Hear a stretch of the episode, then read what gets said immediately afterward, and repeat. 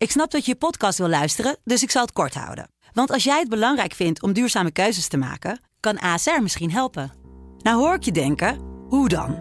Nou, bijvoorbeeld bij het duurzaam herstellen van schade. Of de premies die we beleggen volgens ons duurzaam beleggingsbeleid. Dat bepaalt waar we wel en juist niet in investeren. Wil je meer weten over welke duurzame keuzes ASR maakt? Ga dan naar asr.nl/slash duurzame keuzes. ASR doet het. Zo, dan kan je nu lekker naar je podcast luisteren.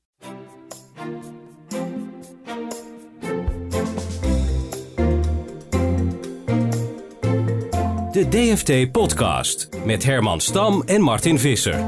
Ja, welkom. De topbaantjes bij de EU zijn na een marathonsessie uh, eindelijk uh, verdeeld. Christine Lagarde is uit de bus gerold om de nieuwe president van de Europese Centrale Bank uh, te worden. Hier aan tafel bij ons Dorinde Meuzelaar, onze expert op ECB-gebied. De vorige keer dat je hier was hebben we het heel veel over de brexit gehad. Dan had je geweldige anekdotes over vooral de voorzitter van het Lagerhuis, de man van Order Order.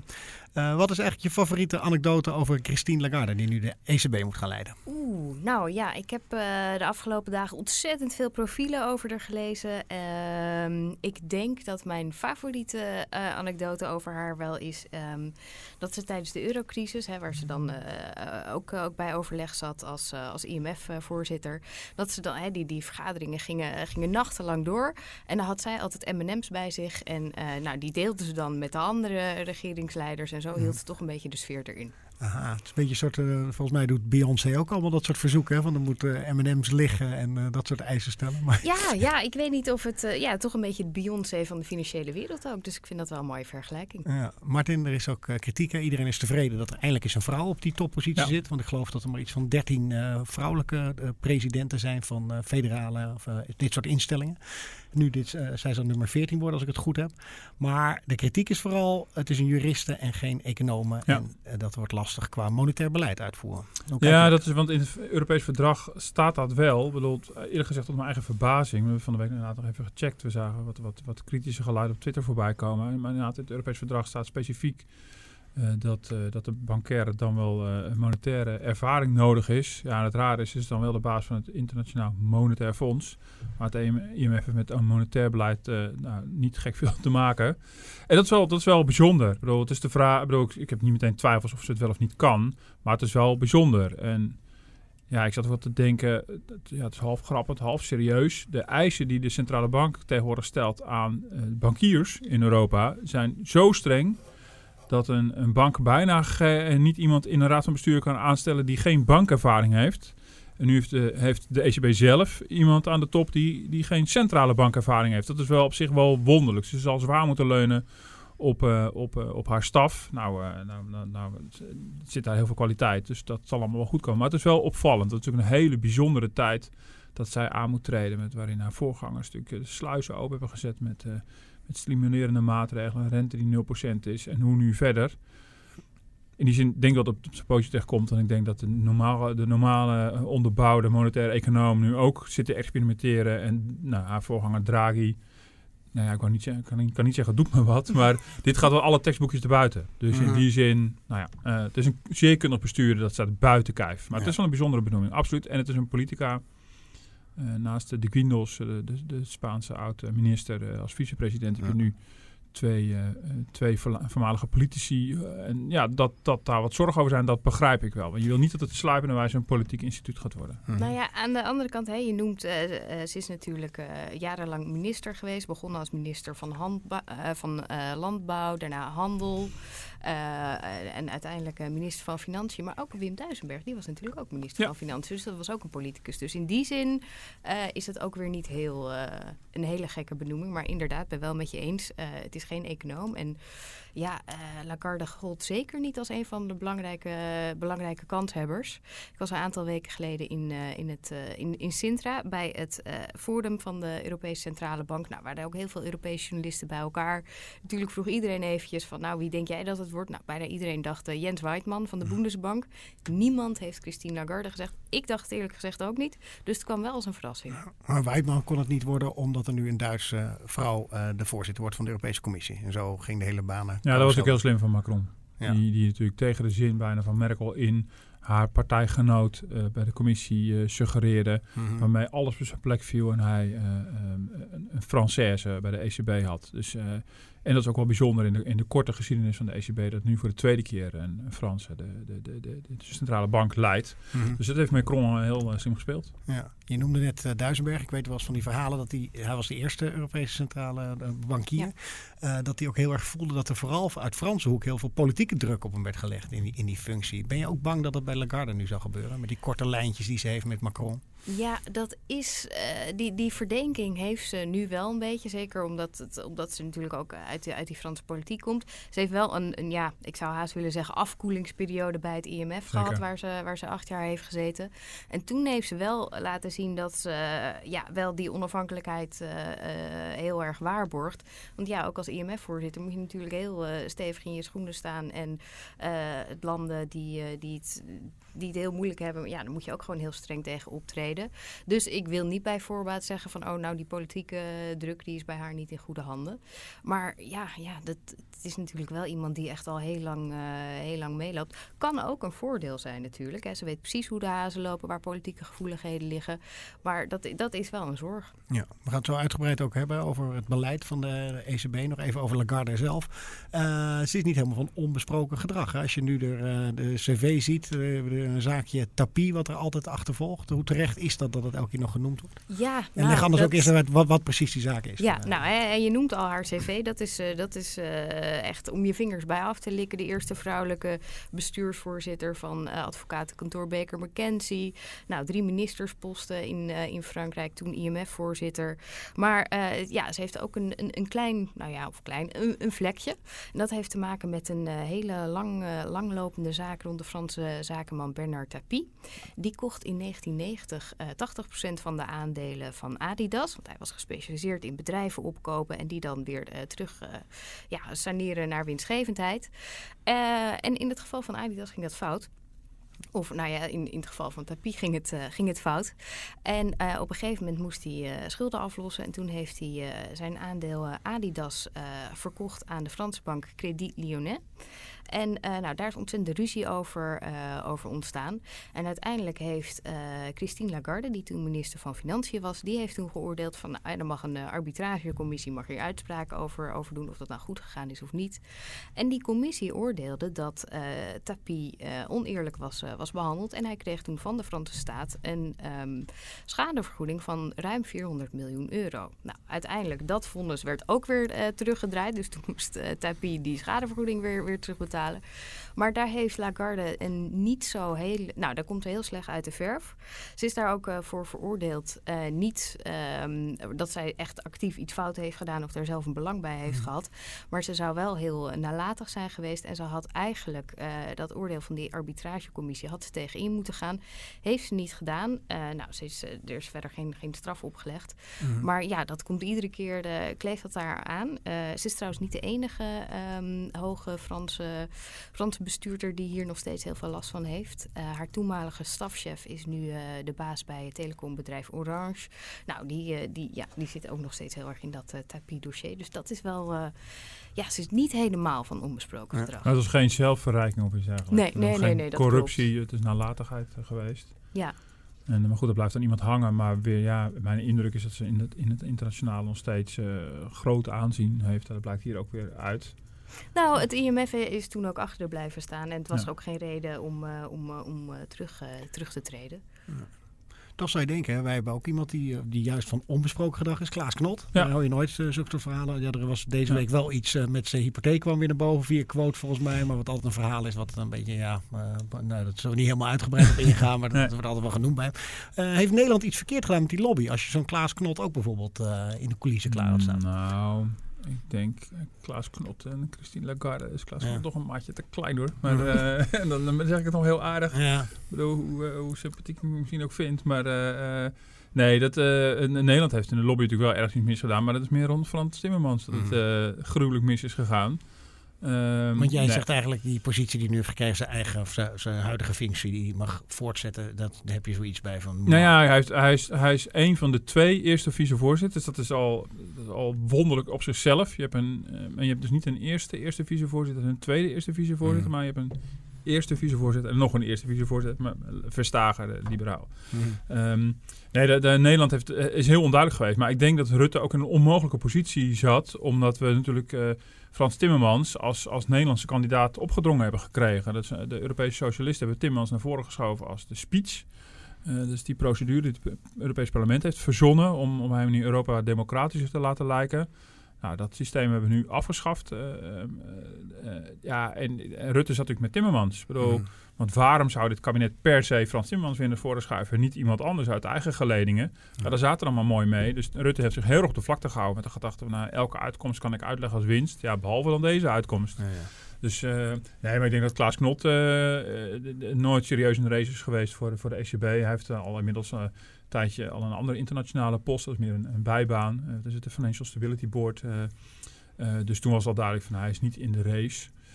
Vinden jullie Nee. überhaupt dat dit, dit, dit baantje, nou dat klinkt een beetje denigrerend, zo bedoel ik het helemaal niet, maar dat het ook betrokken hoort te zijn in die hele carousel? Nou ja, daar hadden we hadden inderdaad een discussie over op, de, op de redactie. Van, het is toch wel, aan de ene kant is het logisch. Het is een van de topposten. Dus het past ook in die puzzelstukjes. het leggen van die puzzelstukjes. Hè, want die Europese leiders die kijken naar man, vrouw, Noord, Zuid, Oost, West. eh, nou ja, eh, weet ik veel, politieke kleur. ehm, ze, eh, ze kijken naar eh, allerlei... En dat moet allemaal op zijn plek vallen. Dat iedereen gelijk bedeeld wordt. Dus in die zin is logisch.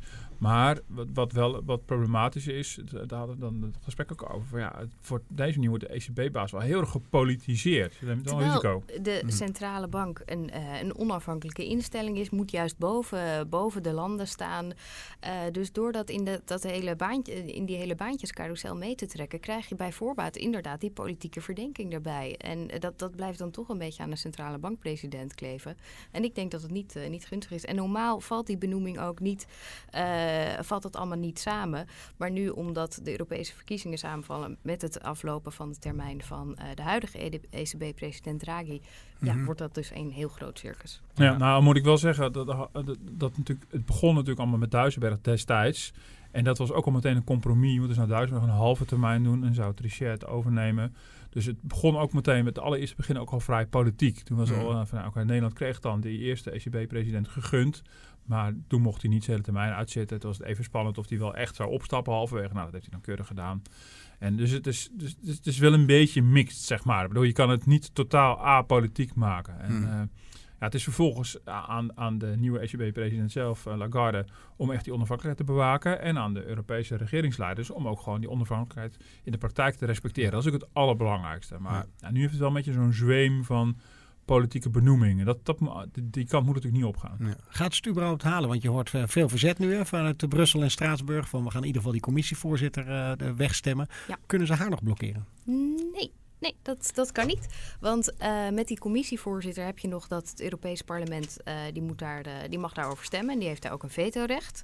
Met de ECB-president mag het Europees Parlement en de Governing Council, dus een beetje het dagelijks bestuur van de ECB, die wordt wel om hun mening gevraagd. Maar die hebben daar geen vetorecht. Dus ja, ik zie het eigenlijk niet meer gebeuren dat, dat Lagarde het niet wordt. Het, dit, dit is gewoon onze nieuwe ECB-president. Nou, daarom is het ook wel spannend wat het parlement gaat doen met die commissievoorzitter, met Ursula van, eh, van Leyen. Want Als je die, als je die to- torpedeert, dan stort ik wel het kaarthuis in. Dus in die zin ben ik wel heel nieuwsgierig. Van dan, dan moet er wel weer een, op diezelfde plek een, een, een Duitse vrouw van christen, christendemocratische klopt in. verhaal. Ja, ja, Want anders ja, klopt ja. dat hele plaatje niet Ja. meer. Dus in die zin... Nou, die hebben we nog. Merkel hebben we nog toch? Ja, Merkel, ja. ja, ja. Die Ja, eh, zou ik wel even, eh, die, die gun ik wel even een hele lange time-out om Ja. even, even bij te komen. En Mhm. niet eh, die hondenbaan van commissievoorzitter.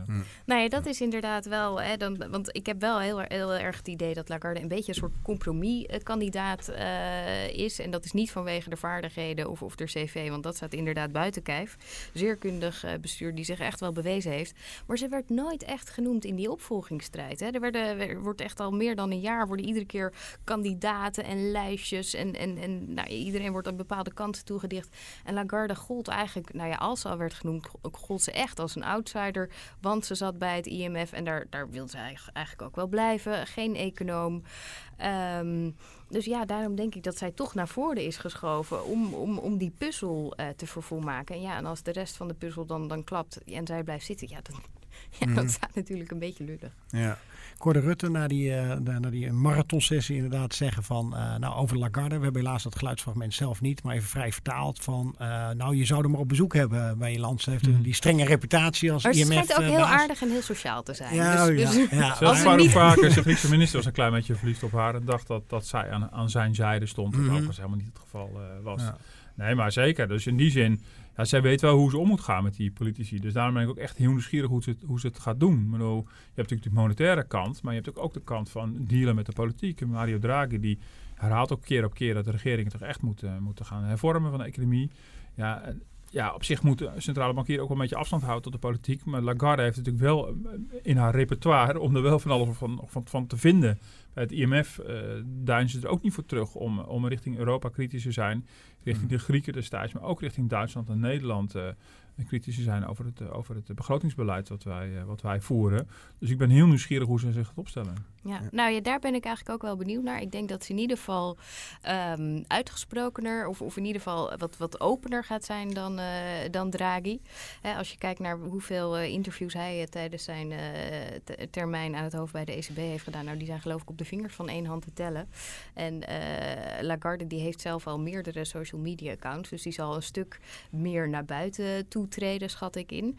Mm. En inderdaad, juist haar achtergrond als, als politica en als bestuurder op, op echt hele moeilijke momenten. Want ze was minister van Financiën tijdens de eurocrisis.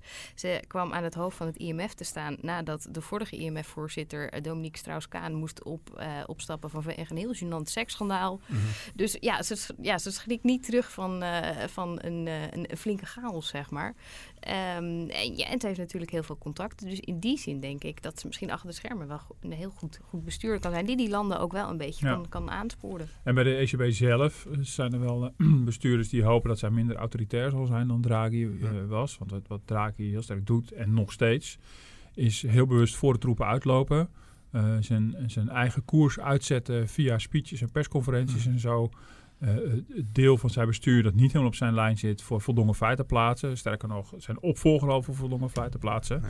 En nou, mijn eerste schatting, inschatting zou zijn dat Lagarde toch wel wat anders in elkaar steekt. Moet nog wel een beetje blijken natuurlijk. Hè. Uh, maar Draghi gebruikt daar voluit zijn macht en zijn invloed door, uh, door ja, voor de troepen uit te lopen. En dan moet, moet de rest wel volgen. En uh, nou, ik denk dat een aantal bestuurders, uh, misschien wat meer de haviken binnen de ECB, hopen ja, dat Lagarde ook gewoon wat meer ruimte geeft voor collegiaal overleg. En dat alle geluiden gehoord kunnen worden.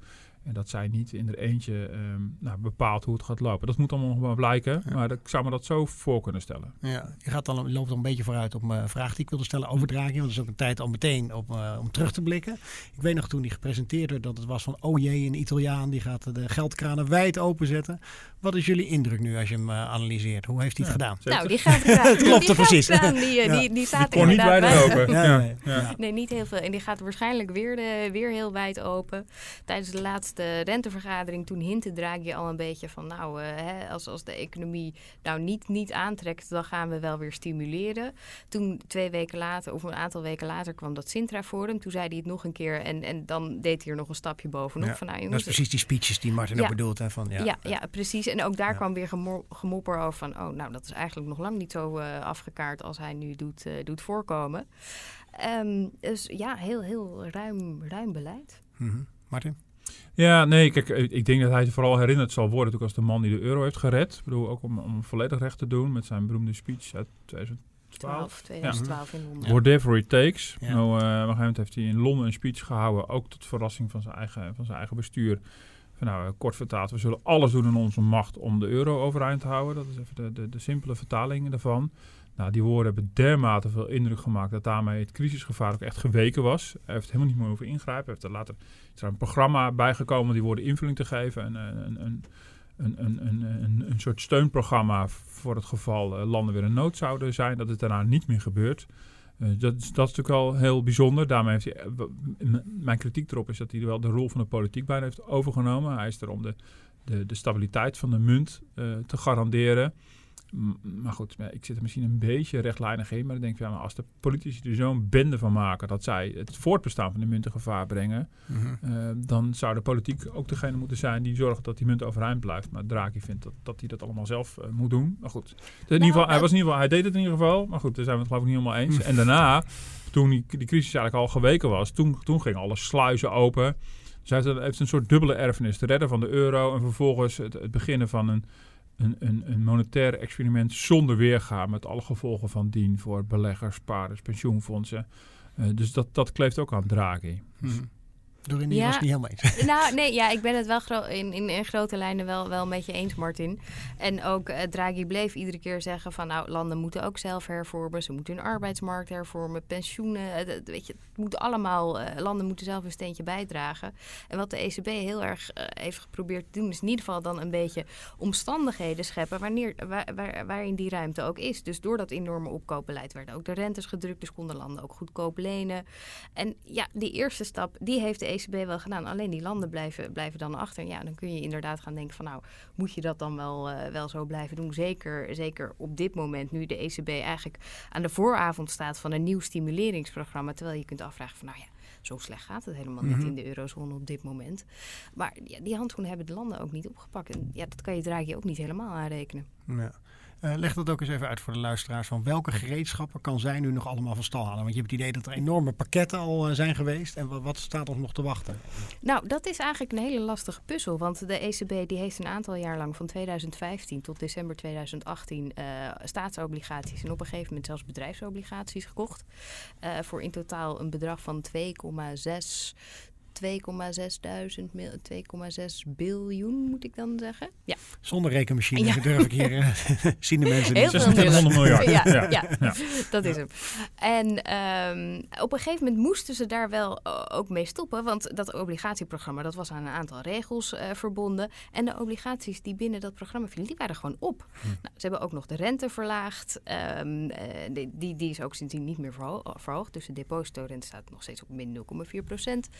En eh, ja, hoe ze dan straks weer willen gaan stimuleren, dat wordt nog een hele lastig. Want je kan die rente nog verder verlagen van min 0,4% naar nou ja, min 0,5 of, of reken maar verder.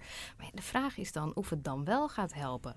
En uh, ja, obligaties opkopen. Nou, sinds ze gestopt zijn, hebben landen ook wel weer wat nieuwe obligaties uitgegeven. Maar ja, die, die 2600 miljard nog een keer, dat, dat, dat, gaat, dat zie ik ook niet gebeuren. Dus dat wordt wel een hele grote vraag. En ik denk daarom ook dat, dat Lagarde meer nog dan Draghi zal moeten inzetten op dat landen zelf in, in verantwoordelijkheid gaan opnemen. Ja, en Martin, een aanvulling erop. Wat merken we daarvan bijvoorbeeld voor onze pensioenen, de huizen? Hoe, hoe zit dat? Nou, wat je daarvan merkt is natuurlijk, het, het is een algemene mondiale trend dat, dat, de rentes dalen. Dat is niet specifiek iets wat, wat Draghi nou in zijn eentje veroorzaakt heeft. Dat zou niet ver zijn om dat te zeggen. Maar je ziet wel dat de centrale bank daar weer, steeds weer een nieuw zetje aan geeft.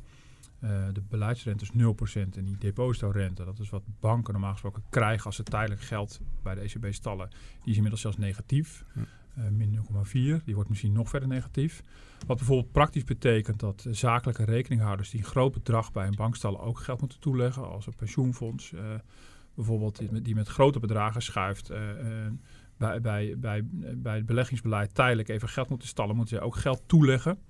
Voor particulieren eh, is het gelukkig niet het geval. Onze spaarrente is 0,05%. Maar als ze echt aan die laatste renteknop nog verder gaan draaien, dan heb je best kans dat in Nederland ook de spaarrente gewoon 0% wordt. Dat mhm. is een combinatie van een, een markttrend, maar nog een extra versnelling erbovenop. Doordat de ECB natuurlijk dit, dit, extreme monetair beleid heeft. Uitgelokt door de situatie, maar wel zo ver, ver doorgevoerd dat we dat echt wel merken. Nou, uh, Klaas Knot wijst altijd op, ja, maar de huizenkoper die profiteert ook van een lage hypotheekrente. Dat is absoluut het geval, dat, uh, dat klopt inderdaad. Maar de pensioenfondsen zuchten onder die lage, lage rente. En wat je ziet is dat het beleid van de ECB uh, eh, gericht is op het straffen van het, van het sparen en het stimuleren van het maken van schulden. Mm um, wat begrijpelijk iets is als je de economie wil aanjagen. Maar dit wordt zo lang doorgevoerd dat het een onderdeel begint te worden van onze normale economie. Dus dat je dus uh, nou, nagenoeg elke investering lonend maakt. Want als de rente nul is, ja, wat is dan niet meer rendabel? Uh, je duwt beleggers naar allerlei vormen van beleggingen die heel riskant zijn op zoek naar rendement. Misschien dat een deel van, van de populariteit van de bitcoin er wel uit te verklaren is. Dan vindt iedereen dat sowieso heel erg spannend. Maar dat is een, een uit, uitwas daarvan, zeg maar. En je ziet het ook gewoon met de aandelenkoersen die natuurlijk langjarig natuurlijk heel goed hebben gedaan. En waar je af en toe af kan vragen of dat nog wel weerspiegelt de economische kracht van die verschillende landen en van, van die bedrijven. Uh, dus in die zin merk je dat. Eh, nogmaals, de, de, de, de, de, de, marktontwikkeling was al zo. Uh, maar de ECB is wel heel ver gegaan, heeft dat heel lang volgehouden met het extreme beleid dat je daar ja, gewoon als spaarder daar gewoon echt, echt gewoon merkt dat je gewoon niks meer over je zwaargeld krijgt. Zo simpel is het. En Trump die zegt juist van, hé, hey, kijk eens hoe Draghi dat doet. Ik ben er jaloers op, want mijn eigen vet-president die doet dat te weinig. Ja, nou ja, twee dagen eerder was Trump nog heel boos op Draghi, omdat, hij zei van, uh, omdat Draghi zei van, nou, we gaan de eurozone weer stimuleren als het niet, uh, niet aantrekt. En dat vond Trump dan weer heel oneerlijk, want daarmee druk je de euro. Uh, dat, ja, in, in Hij wil zijn eigen Draghi hebben. Nou, hij wil zijn eigen Draghi, Draghi, hebben. Hij is, hij is nu vrij, maar goed. Sterker nog, die, die krijgt hij ook, want Jerome Powell, dat is zeg maar de de, Amerikaanse Draghi, de, de voorzitter van de Federal Reserve, die gaat waarschijnlijk ook dit jaar uh, weer stimuleren. Die gaat de rente weer verlagen. Precies mm -hmm. wat Trump wil. Dus, Vanaf ja, een ander niveau hè, alleen. Ja, de, de, de wel Fed iets hoger. heeft al een klein, klein beetje de terugweg in kunnen zetten voordat ja. ze weer de nieuwe crisis gaan bestrijden. En de ECB zit nog op de crisismodus en moet van daaruit een nieuwe Mm. crisis bestrijden. Ja, maar het is natuurlijk niet heel consistent als je de ene centrale bank verwijdert, uh, ver, verwijt dat ze gaan stimuleren, terwijl je eigen centrale bank dat ook gaat doen. Ja, ja. nou ja, behalve dan dat hij natuurlijk niet wil dat een ander stimuleert ten koste van jou, maar hij wil het alleen maar ten gunste van zichzelf. Dus, dus net is een. Maar goed, het is, wel, het is wel merkwaardig. Maar het lijkt me geen goede reclame voor Draghi dat Trump een fan is. Dat, mm. uh, dat lijkt me een slecht teken. Ja. Dus, uh, wat ik, wat mijn, mijn grote bezwaar nu is, is dat je nu ziet dat, dat, uh, dat, dat de economie, beleggers en, en, en, en ook centrale bankiers en politici inmiddels zo verslaafd zijn geraakt aan het ruime monetaire beleid. Um, dat we nu ons zelfs voorbereiden op een nog ruimer monetair beleid, nog meer stimuleren. Terwijl je denkt, oké, okay, maar welke risico's komen er nu precies aan? We zijn de, niet in crisis nu. Nee, de vorige keer was er nog een risico van deflatie, dat de prijzen gaan dalen. Nou, dat is economisch gezien is dat echt heel slecht. Dan kom je in een spiraal terecht, dat wil je niet. Nou, er was al discussie over of dat risico er echt was. Heel veel analisten zeggen dat de ECB, als ze al zo extreem hadden uh, moeten stimuleren, dat ze dat veel eerder hadden moeten doen. de timing was eigenlijk veel te laat. Ja, waar hebben we het nu over? De, de, economie koelt af. Er zijn heel veel bedreigingen van, vanuit het buitenland, de handelsoorlog, uh, brexit. Nou, je kan het allemaal wel opnoemen. Maar is het nou echt zo dat we nu bij elke dip van de economie alles uit de kast gaan trekken? Klaas Knots sprak een interview al over noodplannen die de ECB klaar heeft liggen voor als de economie niet verder aantrekt. Mm. Come on. Maar nu, wat je dus nu krijgt is dat, dat zo'n ECB uh, richting politici zegt van nou, als het even minder gaat in de economie, dan, dan, dan fixen we dat voor je, dan mhm. lossen we dat voor je op. Nou, de Italianen staan te jagen op de banken, want de staatsschuld van Italië was nog nooit zo goedkoop. De tweejaarsrente van Italië, ik weet niet waar die nu staat, maar in ieder geval deze week onder de nul geweest. Mhm. Dat is nou krankzinnig. Ik bedoel, er zit geen enkele fiscale, geen, geen enkele financiële prikkel meer op de, op de prijs van de Italiaanse staatsobligatie. Ik bedoel, het mhm. kan gewoon niet op. Ik bedoel, uh, Terwijl het evident is dat Italië er slecht voor staat. Een krankzinnig hoge staatsschuld heeft. Maar dat wordt gewoon niet meer afgestraft. Elke prikkel is uit de markt gehaald. Door het Draghi maar zitten kopen, kopen, kopen, kopen. En, en hij zadelt zijn opvolger ook op met ja, jij moet dat ook maar gaan doen, want ik heb het alvast voor je beloofd. Ik vind het een heel onmenselijke situatie. Is het wel beter dat een Italiaan, weet je, je ziet Italië, dat gaat steeds slechter, dat het nu dan geen Italiaan meer bij de ECB Nou ja, in ieder geval, kijk, ik, ik, je kan niet aantonen dat Draghi dat echt voor zijn regering heeft gedaan. En laat ik wel af en toe wel met je die verdenking op zich. Dat, uh, dat, dat, dat, dat, dat, ja, dat, dat gemopper hoor ik wel bij critici van, van, van Draghi. Hij maakt het regeringen zoals die van Italië ook wel heel makkelijk. En ja, dit wordt wel, het zijn echt wel perverse prikkels die je, nu, uh, die je nu neerlegt. Want wat je natuurlijk nu doet, is als de centrale bank alle financiële prikkels bij bijvoorbeeld Italië weghaalt. Uh, om, om de begroting in toom te houden, moeten de prikkels uit de politiek komen, uit de Europese politiek. Nou, de, de, historie heeft bewezen dat de Europese Commissie daar ongelooflijk zwak in is. Ik zou er veel meer voorstander van zijn dat de prikkels uit de markt komen. Uh, maar je ziet dat de omgekeerde beweging is gemaakt. En nou, ik ben benieuwd waar het, waar het gaat eindigen. Ja. Ik zat net te denken, hè? Paul is volgens mij ook een uh, jurist. Twee juristen die eigenlijk deze twee eigenlijk de belangrijkste plekken op monetair beleid uh, bezetten. Zegt dat ook nog iets? Um, nou, Juridisering van het centrale bankenbeleid. van de centrale bank. nou, het, het, verschil met Paul is wel dat hij vijf jaar lang al bestuurder was bij de, bij de Fed. Dus hij, hij kende het, het, het klappen van de, van de zweep natuurlijk al. Dat, dat is wel een verschil. Um, en ja, er, er zijn ook wel vaker juristen voorzitter geweest van, van, van de centrale bank, in ieder geval in de VS. Maar de laatste, de, zeg maar de voorlaatste jurist, ik ik geloof dat het in de jaren 70 of 80 was. Meestal kiezen ze toch wel voor een, een monetair econoom. Ja. Bij Draghi weet ik al dat die persconferentie zit ik te kijken naar jou op de redactievloer. Dat houden we in de gaten tot aan welke stropdas die zelfs uh, draagt. Want dat is dan uh, misschien wel een teken. Hij heeft vandaag weer zijn rode stropdas om. Verwacht je ook dat soort uh, subtiele hints van Lagarde? Nou, ik denk niet dat Lagarde strop, stropdassen gaat dragen. Dat niet. Nee, en, en onder financieel journalisten maakten we inderdaad al grapjes van... nou jeetje, wat, wat, wat wordt de nieuwe stropdas-index? Mm ja, Lagarde is natuurlijk wel bekend om de on, onberis, onberispelijke Chanel-pakjes. En ze heeft altijd een Hermes-sjaal om. Uh, ze heeft wel een link met stropdassen trouwens. Want toen ze nog uh, minister was, toen gaf ze altijd een, uh, een Hermes-stropdas cadeau. En bij het IMF mocht dat, mocht dat niet meer. Kijk, voor dat soort anekdotes doen we het hier in de podcast. Ik wil je hartelijk danken, Dorinde, voor je komst. We gaan hier ongetwijfeld vaker over doorspreken. Ook als Lagarde eenmaal nou, in Frankfurt de basis. Martin, jij ook weer bedankt. En ik zou zeggen, tot volgende week.